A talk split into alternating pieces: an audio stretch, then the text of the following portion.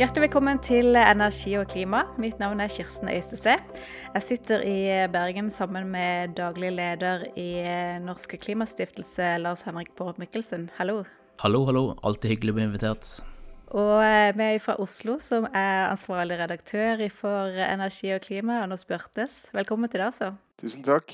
Vi har jo snakka sammen om eh, statsbudsjettet for 2022 et par ganger før, men nå har vi det endelige budsjettet eh, foran oss, som eh, da SV, Arbeiderpartiet og Senterpartiet ble enige om på mandag denne uka. Her flyttes det jo på en, en 8 milliarder omtrent. Og Lars Henrik, hvis du begynner, hva er det store bildet her i denne pengeflyttingen som, som SV har gått med på? Nei, det, det som du sier, altså at neste, neste, år i kroner og øre så omdisponerer da SV eh, cirka, i overkant av 8, 8 milliarder kroner. Eh, når du ser på samla sett, så ser du at de største postene de går til ulike velferdstiltak, men de gir òg en del på, på, klimafeltet. Så de både retter opp noen av de jeg, svekkelsene som Arbeiderpartiet og Senterpartiet la fram, og så kommer de òg med noen styrke, styrkinger òg utover det som Arbeiderpartiet og Senterpartiet foreslo. Så den største sånn enkeltposten, du skal se på, se på, det, så er det da styrkinger av Vinova, som er da 450 millioner kroner utover det tillegget som Ap og Senterpartiet gikk, gikk inn for, eh, og hvor 100 millioner av de sier de skal øremerkes husholdningene. Så kommer de òg inn på elbilpolitikk og oljepolitikk, har de òg en del eh, punkt punkter på, da. Så um, det var jo litt snakk om i forkant om denne klimamilliarden eh, som eh, eh, Barth Eide sa at de hadde lagt fram. Så var det vel litt sånn tvil om var det milliard, eller var det egentlig bare Man hadde plusset på liksom tilfeldig valgte tall. Men eh, en klimamilliard kan jo iallfall SV skryte på seg med de tilleggene som eh, i smått og stort, hva det summerer seg opp til. Og både bilavgifter og Enova-tillegg har jo du vært opptatt av, Anders. Ikke minst at Enova skal, skal gi litt tilbake til, eh, til vanlige folk av det vi betaler inn til Enova. Ja, og nå ser det ut til at det kommer dit det bør være, da. At de ca. 400 millioner kronene som betales inn fra folk flest over nettleia hvert år skal tilbake igjen til den samme sektoren i samfunnet som støttet forskjellige saker og ting. Så det tenker jeg er veldig bra. Det som kreves for at dette skal, skal, faktisk, skal skje i praksis, er jo at uh, Enova da får beskjed fra, fra, regjeringen om at de nå skal endre litt på støtteordninger og liksom skru til sine virkemidler, slik at pengene faktisk går til, til, tilbake og ikke blir liggende på en konto i Trondheim. Og når det gjelder elbilpolitikken, så er det vel det viktigste her at de eh, endrer den, det forslaget om å ta bort eh, insentivet for firmabiler. Ja, hva skjer der?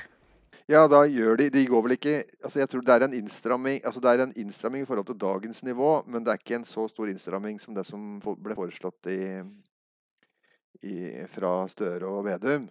Og det betyr sannsynligvis at, eh, den, eh, altså at insentivet for, eh, for, å kjøpe elbil for folk som har firmabiler, da, det vil være såpass sterkt fortsatt at at det, gir mening å Eller vil, ikke vil redusere salget av, av firmabiler eh, som går uten eh, som har ledning.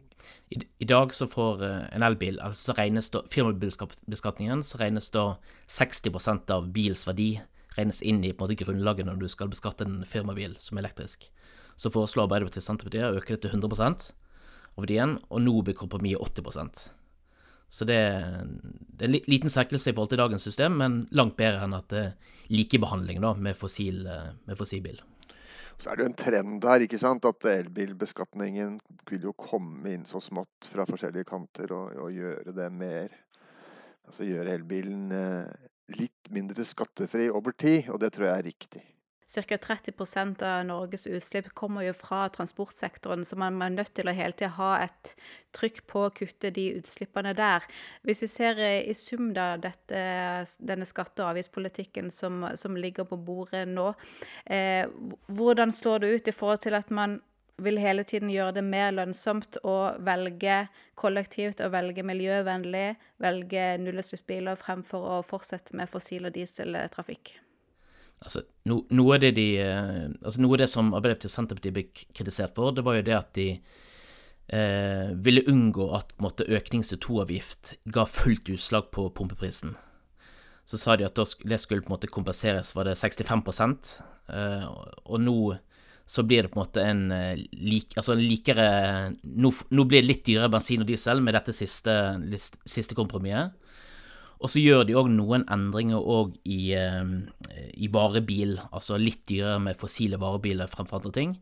Men så sender de òg et eh, signal om at eh, de ber òg regjeringen om å komme tilbake allerede revidert med en, på en måte, tiltakspakke da, retta mot liksom, leasingmarkedet og næringsbedriftssegmentet. Eh, og det tror jeg er veldig viktig.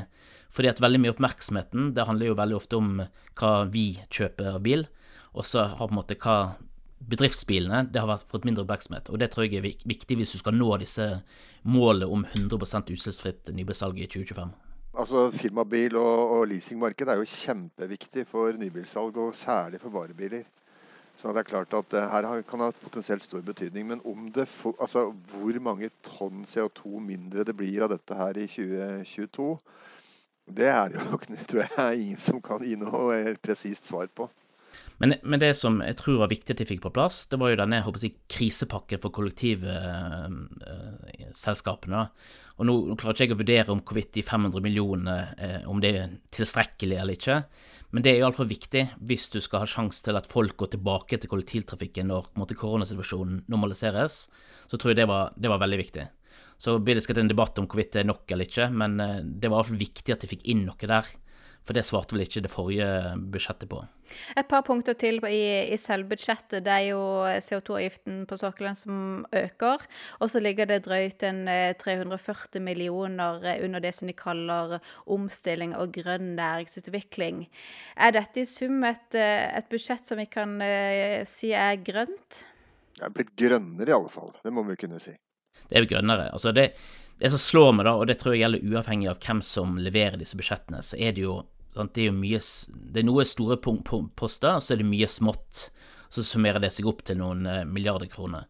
Men i det store bildet så er det jo ikke veldig stor forskjell. Så hvis du skal på en måte regne ut hvilke budsjett av dette her og Erna Solbergs budsjett gir størst utslippskutt, så tror jeg det liksom, da er det fotofinish som, eh, som avgjør. Dette her er det, Så det, det, er ikke liksom natt og dag mellom måte, ytterkantene i, i politikken på, på, dette feltet her. Så men eh, at SV har fått til et bedre budsjett, det er ikke tvil om. Og så er det jo ett eh, sted òg der de har fått til noen endringer. Det er jo på Altså, det blir dyrere for, for petroleumssektoren. Så de øker jo da CO2-avgiften for olje og gass med 28 er det vel? En økning på 28 Mens Erna Solbergs regjering foreslår 15% økning. Og det utgjør vel, tror jeg, 70 kroner per, per tonne, ifølge Norsk olje og gass i en ekstra ekstrakostnad, da. Så det klages Det er en helt riktig prioritering, og det klager selvfølgelig sektoren på. Men, eh, men det, det, vil i hvert fall være en endring da, som, eh, som, kan merkes på en del av de prosjektene som kanskje er mest marginale. Det er bare å skru til. Og Hvor raskt vil du se effekten av, av den økningen i CO2-gift på sokkelen? Nei, Hvor raskt det skjer, vet vi jo ikke. Men det er klart det er riktig å bare klemme til med høyere utslippskostnader for olje- og gassektoren. Det er ingen tvil om at det er riktig, og, det, og, det, og jo før, jo heller. Og så vil jo da det bety at eh, de altså hvis det får noen betydning for produksjonsvolumene, så handler det jo bare om at enkelte prosjekter som, som, da har store utslipp, de vil ikke være lønnsomme. Og sånn må det være. Og så vil det jo da være mer lønnsomt å gjøre klimatiltak fortere. Eh, og pluss at de signalene om at disse utslippskostnadene her skal opp, de vil måtte leses eh, liksom, veldig tydelig i, eh, i, oljeselskapene. At her er det ikke noe Her kommer ikke noe liksom, unntak og, og andre går ikke an å snakke seg bort fra dette her. Det kommer til å bli mye dyrere å slippe ut CO2 for oljesektoren, og det er riktig. Jeg var på et veldig interessant uh, webinar i regi av WWF tidligere denne uken. og Da gikk de gjennom en del av de prosjektene som er i pipeline nå, som skal uh, leveres inn før denne koronakrisepakkefristen da går ut uh, eh, 31.12. neste år. Og Det er jo overkant av 50 prosjekt som nå eh, man prøver å ferdigstille. Så det er klart at fordi Og det er mange prosjekt her som på en måte blir lønnsomme pga. den nye koronakrisepakken. Og det er klart at en økning i CO2-avgiften sånn som dette her, kan kanskje bidra til at regnestykket ser litt annerledes ut for selskapene for selskapens side. Det må vi i hvert fall håpe på. Så drar staten inn mer penger fra oljesektoren, noe som må være helt riktig når prisene er så, i hvert fall når prisene er så høye som nå. Så er det jo bra at, at mer penger fra oljevirksomheten går i statskassa. Det går, jo, det går på fondet, da. Ikke sant? CO2-avgiften går rett til oljefondet, så det kan ikke brukes umiddelbart til å styrke budsjettet. Det kan ikke brukes til klimatiltak, sånn som man kunne sett for seg at hadde vært en, en god tanke. da. Å bruke mer av dette her til, eh, altså til karbonfangst eller, eller eh, havvind eller et eller annet i den duren, som da hadde gjort dette, dette her til å ligne, fått dette til å ligne mer på det forslaget om omstillingsavgift. Og da kan vi gå til eh, de eh, verbalforslagene som også er med i avtalen mellom eh, SV og Arbeiderpartiet og Senterpartiet. For der lå det jo nettopp dette som du er inne på, Anders, med å utrede en, en omstillingsavgift som en del av klimaavtalen med, med oljenæringen. Og det er jo totalt 31 punkter i, i denne verbalteksten som er under overskriften 'Klima og grønn omstilling'. Eh, Lars Henrik, hva sier disse punktene oss om, om prioritering og retning? Det er mange, mange, ting å si, men det er klart at jeg merker at jeg er litt sånn kritisk til at man har så mange verbalforslag. For det, hvis du ser tilbake på liksom, hva, hva ender med disse verbalforslagene, så ender det jo stort sett i ingenting. Og det er jo gjerne liksom liste over politikkforslag som man kanskje ikke får et flertall for i en budsjettforhandling, og så blir det som kompromiss at du får inn en sånn viljeserklæring. Så det som du sier, det er 31, 31 punkter. Når jeg summerte opp de forslagene som begynner med at man ber regjeringen utrede, eh, så, så, kan du ta vekk en tredjedel av de forslagene. Eh, og så er det òg veldig mange ting som, eh, som er veldig ufor, uforpliktende, da. Men så er det jo én ting som de har solgt veldig sterkt ut, og det er jo dette punktet som går på at det de ikke blir en 26. konsesjonsrunde i 2022.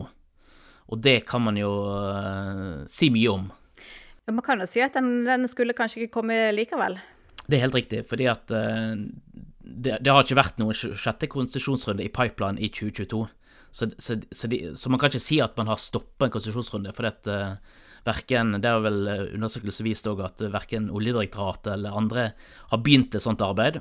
Og det stemmer òg overens med det som Tina Bru uttalte i media rundt valgkamptidene, at uh, det arbeidet det helt, lå helt i det uvisse. Men det punktet kan likevel bli viktig, fordi at eh, Og det fordrer jo at SV da får gjennom akkurat det samme i 2027, 28, 29 osv. At dette punktet fort kan bli en sånn Lofoten-formulering. At det blir et slags hygienekrav for miljøpartiene, at det må inn. Men så er det òg en annen sånn obs, og det er det at man har òg en annen tildelingsmekanisme, de såkalt TFO-ene, i mer som modne områder. Og der har det jo vært en utglidning de siste, siste årene.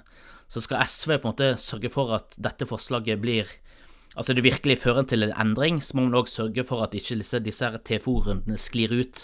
At man på en måte bare øker arealet som, eh, som man lyser ut i.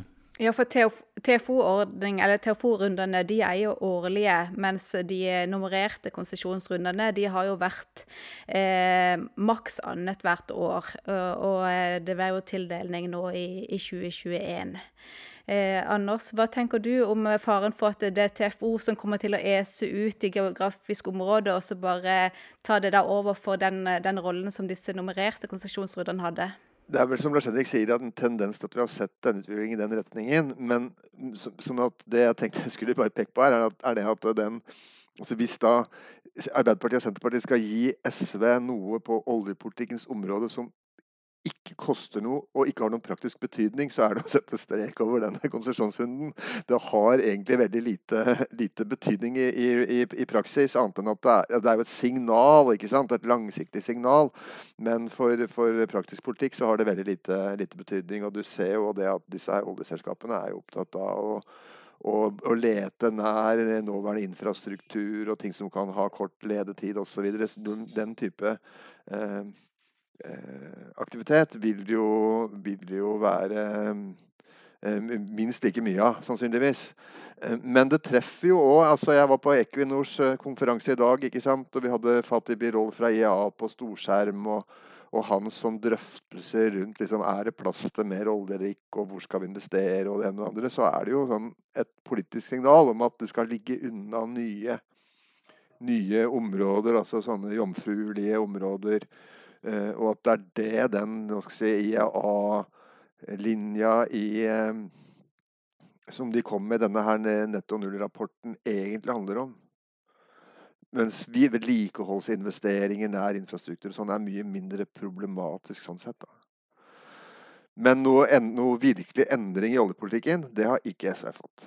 Er det andre ting i disse verbale forslagene som dere syns er verdt å legge merke til? Jeg kan jo si For min, for min egen del, siden jeg har fulgt litt med på grønn skipsfart, så syns jeg punkt nummer én er interessant. Der sier de at eh, eh, alle nye anbud i fylkeskommunale ferje- og båttrafikk, de skal, de skal, stille krav om nullutslippsteknologi. og tidligere så het det jo lav- og nullutslippsteknologi, så nå er dette lavutslippsteknologien det er borte.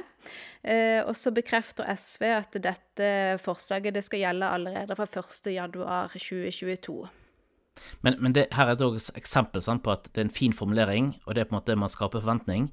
Men klart at hadde de fått virkelig gjennomslag, så hadde det vært noen penger som hadde, hadde, hadde ligget der. Fordi at Du kan ta et praktisk eksempel. da. Vestland fylke de har da utsatt anbudet på eh, hurtigbåten mellom Bergen og Sogn.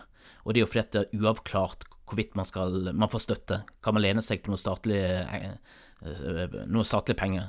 Så kan det godt være at man kan trylle liksom via noe ekstrabevilgning til Enova, at man kan finne på den måten, men uten at det signalet kommer, så blir det jo ikke noe lavutslipp, eller, eller i hvert fall ikke nullutslipp mellom Bergen og Sogn. Så sånne formuleringer er veldig fine. De gir noen håp der ute, men jeg tror realiteten her er at man ikke har fått uh, de bevilgningene som, som trengs. Det er helt riktig. Det ligger ikke penger i budsjettet som er spesifisert til dette. Altså Disse verbalforslagene er jo egentlig SV sitt forsøk på å få en hånd på rattet mellom budsjettforhandlingene. Sant? Altså De skal legge på en måte noen føringer på hvordan liksom, prioriteringen internt regjeringen skal, skal, foregå. Og da tror jeg at hvis ikke du har vilje og lyst i et departement, så er det på en måte en milliard måter å trenere og utsette og, og sørge for at dette ikke leveres i tide, og i alle fall ikke med de konklusjonene du har levert. Så jeg tenker jo egentlig så er jo egentlig disse her, for her er det mye bra vilje, og jeg tenker at egentlig så er jo dette et bevis på at kanskje burde SV heller gått inn i regjering for å få eh, en hånd på rattet, sånn at de kunne gjennomført en del av disse punktene som de, eh, de da tilsynelatende har fått Arbeiderpartiet og Senterpartiet med seg på. Men er det ikke en match her òg med en del av de store sånn industrialiseringsprosjektene som også Arbeiderpartiet har på sin dagsorden? Altså På hydrogen er det jo en del altså Der er det jo mye formuleringer. og Der bevilger de òg noe ekstra. Det er 50 millioner ekstra eller noe, noe, sånt. 120 tror jeg det var lå i budsjettet nå. 100, 120 ekstra, ja. Og så er det mye sånn planer sånn, da, som man eh, Altså det er en del, altså det som de skal ha, det er at de har en del sånne leveringskrav eh, som de har fått med seg på. Så regjeringen må kvittere ut i løpet av eh, en periode. Og en del er i forbindelse med statsbudsjettet neste år, og en del er òg allerede i eh, revidert.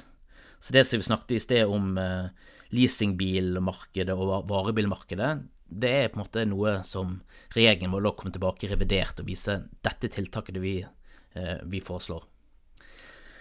Et annet forslag da, så de har foreslått, det er jo litt sånn nerdete olje, oljepolitikk, men det er jo en del har vært opp, interessert i liksom i hvilken grad skal Stortinget gå inn og, og diskutere disse ulike PUD-ene eller prosjektene som oljeselskapene ønsker å realisere? Og Der er jo en sånn grense i dag på at hvis prosjektene har en verdi som passerer 20 milliarder kroner, så skal Stortinget inn og behandle det. Eh, og den grensen senker de til 15 milliarder, som er jo et steg i riktig retning. Men når jeg så på de, den listen over de prosjektene som nå er i pipeline, så tror jeg det betyr at ca. tre prosjekt til vil da måtte gå innom Stortinget. Så det er jo, det er jo, det er jo bra, men hvis du tenker at hele prosjektporteføljen er 50, 51 eller overkant av 50, så er det ikke veldig mye, da. Det er jo tre kvelder i Dagsnytt 18. det, det, det, er det. Og tre anledninger til å stresse liksom klimarisiko og, og, og, på en måte stresse prosjektenes uh, lønnsomhet. da. Det er det. Og så er det et punkt på, eh, på energieffektivisering, og, og, eh, man skal redu redusere energibruken i bygg med minst 10 TWh i 2030. Et uh, punkt som har Jeg vet ikke hvor mange ganger det har ligget i et, uh, i et budsjett og i en handlingsplan, men det, der skjer det jo fint lite. Ja, der har det skjedd fint lite. Det tror jeg har stått der, må jeg gå tilbake til stolt, før Stoltenberg, altså.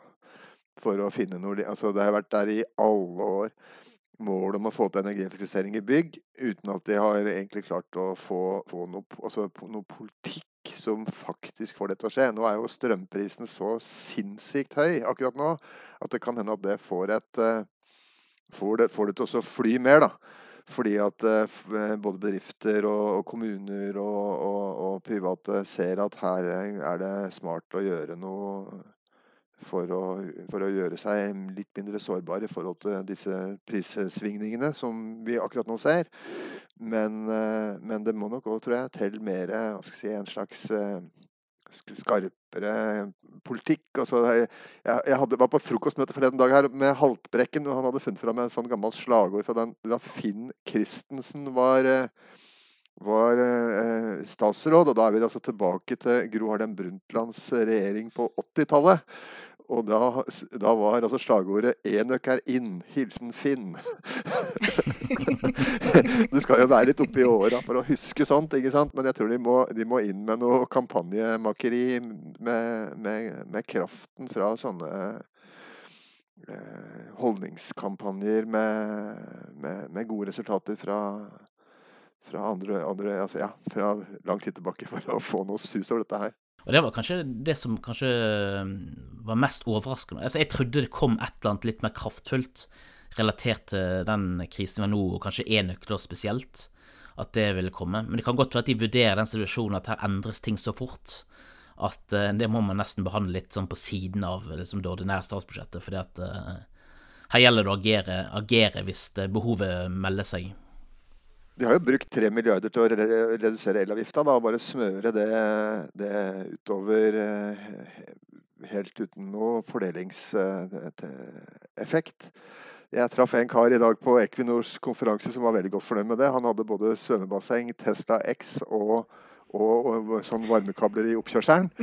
Og, og, det er jo helt samme Det er jo den strømforbrukeren som da vår beste effekten av dette elavgiftsreduksjonen. Men vi har jo snakka om eh, strømprisen egentlig gjennom hele høsten, og prisene har jo på ingen måte bedra seg. Det ser ikke ut som de skal gjøre det med det første heller, selv det, det går jo riktignok litt opp og litt ned, men det kan bli en eh, krevende vinter. Eh, er dere overraska over at det ikke kom noe mer i budsjettet enn denne flate eh, kuttinga av, av elavgiften? Nei, men jeg tror det er tidsspørsmål tidsspørsmål før det kommer noe, noe mer. Sånn, I dag har jo altså Kjetil Lund, eh, NVE-direktøren, orientert eh, olje- og energiminister Morte Mjøs Persen om situasjonen, som det heter på NTB. Og, og hun sier at de holder liksom alle, alle, dører åpne for å komme med ytterligere tiltak osv. Og, og det er jeg ganske sikker på at kommer til å skje. Fordi at folk nå kommer til å få strømregninger som som kommer til å altså, skape et voldsomt uh, politisk opprør og sinne når uh, den uh, den, altså Autogirotrekket for november kommer til å være merkbart for de aller aller fleste når strømleverandørene nå begynner å ta betalt. Men, men er nettopp fordi at uh, det er så akutt, eller det er så, det er så ekstreme de prisene vi ser, så var jeg litt overraska. Jeg, jeg, trodde liksom man skulle uh, Nå har vi gitt uh, mer penger til Enova, da, men at det skulle kanskje komme enda, sånn ty, enda mer konkrete signal på dette med enøk. Det, det trodde jeg. Og nettopp at man kanskje ville se at det å fjerne, eller redusere eh, elavgiften litt for, for alle, at det i det store ikke har noen betydning når, eh, hvis du får en regning på liksom 5 000-10 000 kroner på en måned, så har jo det elavgiftgrepet da ingen, ingen betydning. Men det, koster 3, men det koster 3 milliarder, og spørsmålet er da kunne du gjort mer ut av de 3 milliardene eh, i budsjettet. Jeg tror svaret på det hadde vært eh, ja. Men jeg tror, jeg tror sagt at det kommer et eller annet, men eh, litt, litt overraska. Men det er også 3 milliarder er for lite, vet du. Når prisene er så høye som de er, så vil heller ikke det monne. Så jeg tror at de må ta i mye mer. Og du ser jo det at den, den eh, effekten av bare altså utbytte fra Statkraft som de justerer opp, det er vel 2,5 milliarder kroner. Bare den ene, den ene komponenten. da. Og ser du på gassinntektene altså Norge er jo stor gassleverandør. og inntektene fra gassalget til Europa har jo gått i taket nå i høst. Og, og, og vi får jo da indirekte merke det gjennom at uh, strømprisene er høye, fordi at gassprisen har så stor betydning for, uh, for strømprisene her i landet. Dette her er liksom litt sånn komplekse sammenhenger, men det er ingen tvil om at gassprisene nå har veldig stor betydning for hva vi betaler for strømmen. Men der går jo inntektene rett inn i fondet, da, så det, det er litt, litt, vanskeligere å gjøre noe med de. Men det er jo men det er, men det er et morsomt poeng at sant, nest, altså, eh, så godt som hele elavgiftgreiene finansieres jo da med med minus 800 millioner, men finansieres da med økt utbytte fra Statkraft. Men hadde det vært en næring som hadde vært utsatt for et sånn type sjokk som det vanlige folk nå blir pga. strømregninga, så hadde det vært gjort, satt i verk strakstiltak. Det er jeg helt sikker på. Altså, vi så jo hvordan det ble reagert da oljenæringa hadde vanskeligheter i forbindelse med pandemien. Det var jo kjempeaksjon. Og nå, det, den strøm, strømprisveksten er vel sånn som at hvis vi, da, altså hvis du hadde oversatt det til bensinpris, da, så er det jo en er det sånn at vi hadde betalt liksom 100 kroner literen. Men hadde regjeringen vært, vært smart nå, så tror jeg jeg ville gått til Stortinget og, og liksom tenkt dette er en ekstraordinær situasjon. Her, eh, her, må vi heve oss litt over For her er det så lett å gjøre politikk ut av en krevende situasjon. Som du ser jo allerede på en måte den der eh, nye nettariffsystemet sant, blir omtalt som eh, hva er det, rushtidsavgift eh, for strømforbruk. Så det er klart at her er det så lett å gjøre på en måte skåre billig poeng av en veldig krevende situasjon. Her burde egentlig et samla storting gå sammen og finne ut ok, her må vi ta ekstraordinære grep, vi må stå sammen. Og det er jo litt faren her, hvis vi ser det store bildet. Altså om denne situasjonen med så ekstreme strømpriser vil gjøre det mer krevende å få til en kraftfull og rask grønn omstilling. Ja, jeg er veldig redd for det. Fordi at eh, det er så mange krefter som, som holder på og prøver å utnytte dette her etter beste evne. Og fryktelig mye vrøvl og konspirasjoner som er ute og går i kommentarfelt.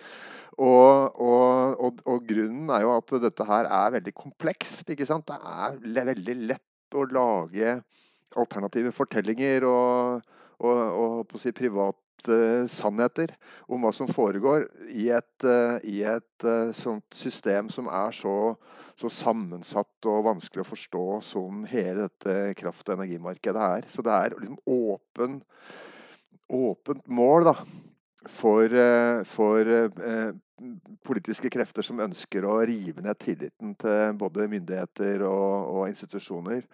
Dette her er et faresignal, fordi det vi har sett i mange sammenhenger, er jo det at det nettopp sånne situasjoner gjør at, uh, at ytterliggående eh, politiske krefter får mye større innflytelse enn det er grunnlag for. Altså dette her, Jeg brukte uttrykket 'polariseringsmaskin' som, uh, på, det, på, det, som skjer, på, på liksom kraftmarkedet og kraftpriser. Og da må liksom fornuftige folk i alle leire stå imot dette her. Og så tror jeg man bare husker på at folk har ennå ikke fått måte, de største regningene ennå. Vi har, vi har merka liksom strømregningene, altså kostnadene har gått opp, men liksom de virkelig store regningene har vi ennå ikke fått. Det kommer liksom i neste, neste måned, og kanskje måneden etter, etter, der igjen. Og hvis du får et par måneder med sånn helt absurd høye strømregningene, så vil jo de fleste av oss få store problemer med å betale. Så dette her dette kommer til å slå, slå hardt. Kommer i januar. Kommer i januar, Etter julebordsesongen. ja, ja, og med årsavgifter på bil og forsikringspremier og greier ramler inn samtidig, ikke sant. Men der tenker jeg at eh, det regjeringen burde gjort, var liksom da gått til Stortinget. Så burde de tenkt, invitert de til på en måte, et bredt kompromiss langs to spor. Det ene er sånn kortsiktig spor, der liksom hvordan håndtere på en måte de høye prisene og hjelpe folk å betale og osv. Og, og det andre sporet må være langsiktig, og da må det komme noe sånn skikkelig sånn feite enøk-satsing og sol på taket-satsing, og så si OK, hør her, nå bruker vi òg denne krisen til noe bra. Nå skal vi tappe det potensialet som finnes for sol og enøk i norske hjem de neste tre årene. Og så litt sånn koronakrisepakketenkning, sånn som, sånn som olje, koronakrisepakken for eh, oljeindustrien. Og så sier du at OK, du gir en utløpsdato. Innen 31.12.2024 eh, så, så blir det massiv støtte til enøktiltak. Da skal vi virkelig rulle dette ut. Og så går det med, over til en mer sånn normaltilstand etter det. Oljepakke til folket. Strømkrisepakke til folket. Strømkrisepakke. Ja, ja, no, ja dette her ligner noe, Lars Henrik. Det syns jeg. Det er Jeg tror dette er resultatet at vi har diskutert dette statsbudsjettet nå tre-fire ganger. eh, At vi nå begynner å komme inn i det. Så neste år så foreslår jeg at vi bare legger fram vårt eget. Ok, Jeg lurer på om vi skal gå til en eh, liten avrunding her, hvis ikke dere har noe mer på hjertet når det gjelder eh, statsbudsjettet eller strømpriser. Nei, jeg tror vi har vel vært igjennom de viktigste tingene. Det, det er jo da også et ikke sant, Fortsatt veldig mange, mange saker som, eh, som vi må vente at regjeringen kommer opp med tydeligere signaler på utover vinteren. Når det handler om særlig de store, men mest spent på hvert fall, er de store industriprosjektene. Rammevilkår for havvind. Hvordan få til Eh, altså disse her batterifabrikkene og, og, de der svære industrielle satsingene. Det er jeg spent på hvordan kommer til å bli, bli eh, utforma mer i detalj. Ja, for det var det ikke så mye signaler om i budsjettet. Nei, og det er kanskje ikke å vente heller, da, gitt den korte tida de har hatt til rådighet eh, så langt. Men akkurat det var jo en, en nyhet som kom denne uken her, altså det med Hydro og Equinor, som da dropper disse batterifabrikkplanene sine. Og det òg er jo en hvis du på en måte ser vekk fra akkurat den isolerte fabrikken, så skyldes det jo brexit-floket. Altså toll, toll pga. brexit. Og spørsmålet er jo sant, kan, det også, kan dette bli en alvorlig demper for hele batteriindustrisatsingen i Norge? Det kan hende, men det, men det, er jo sånn at mange av disse her Det er jo lansert nå et lass av sånne industriprosjekter, og at mange av de ikke kommer særlig lenger enn til powerpoint-stadiet, det syns jeg ikke er noe overraskende. Nei da, men akkurat dette eh, Equinor og Hydro-prosjektet var noe Har de hatt mye, mye greier rundt, da.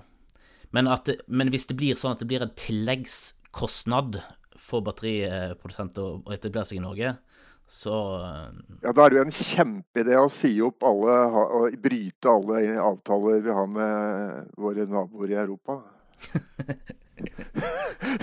det er jo en knall, knallidé. Da kan vi jo kanskje da finne avslutningen, eh, Kirsten. Den eh, anbefalingen. Ja, du, har, du, ville komme med en anbefaling til slutt, sa du, Anders. For du er jo en som trakt, kanskje den av oss tre som trakterer Facebook-grupper hvor, hvor, du virkelig får, får utløp for frustrasjon. Ja, jeg, jeg, bruker mer tid på det enn det som er helsebringende. Å lese sånne kommentarfelt eh, eh på, på, forskjellige sånne altså Enten det er Stopp ACER, eller det er vindkraft, eller det er strømpriser eller sånn. Og det som går igjen der hele tida, er jo det at folk eh, eh, som da har, som har, har, Altså folk med gode intensjoner, som jobber i, i politikk i, i, næringsliv og ikke minst i forvaltning blir skjelt ut etter noter hver eneste dag for å være globalister kjøpt og betalt av WTO og EU og bare drømme om eh, jobber på Cayman Island. Eller jobber i New York med konto på Cayman Island. Altså det er en det er en tone og en utskjelling av folk i dette feltet, og det er fryktelig mye eh, påstander uten rot i virkeligheten som slenges ut. Og dette her har altså Øyvind Strømmen, som er eh, MDG-politiker eh, i, er det i Kvinnherad? Ikke Samnanger. Samnanger. Han har skrevet, han skrev opprinnelig, det var han skrev en tekst på Facebook om dette, som da eh, Trønderdebatt, som redigeres av den utmerkede redaktør og tidligere SV-politiker Snorre Valen har plukka opp og og, og, lagt ut. Og det i den teksten til han Strømmen, den anbefaler jeg sterkt å lese. Da legger vi en til i det som på norsk kalles shownotes i poden podden her, så kan de som ønsker å lese den, finne den der. Da sier jeg tusen takk for praten, Anders og Lars Henrik. Det var så lite. Takk skal du ha. Og tusen takk til eh, du som lytter på. Abonner gjerne på Energi og klima i din foretrukne podkastapplikasjon. Takk for i dag.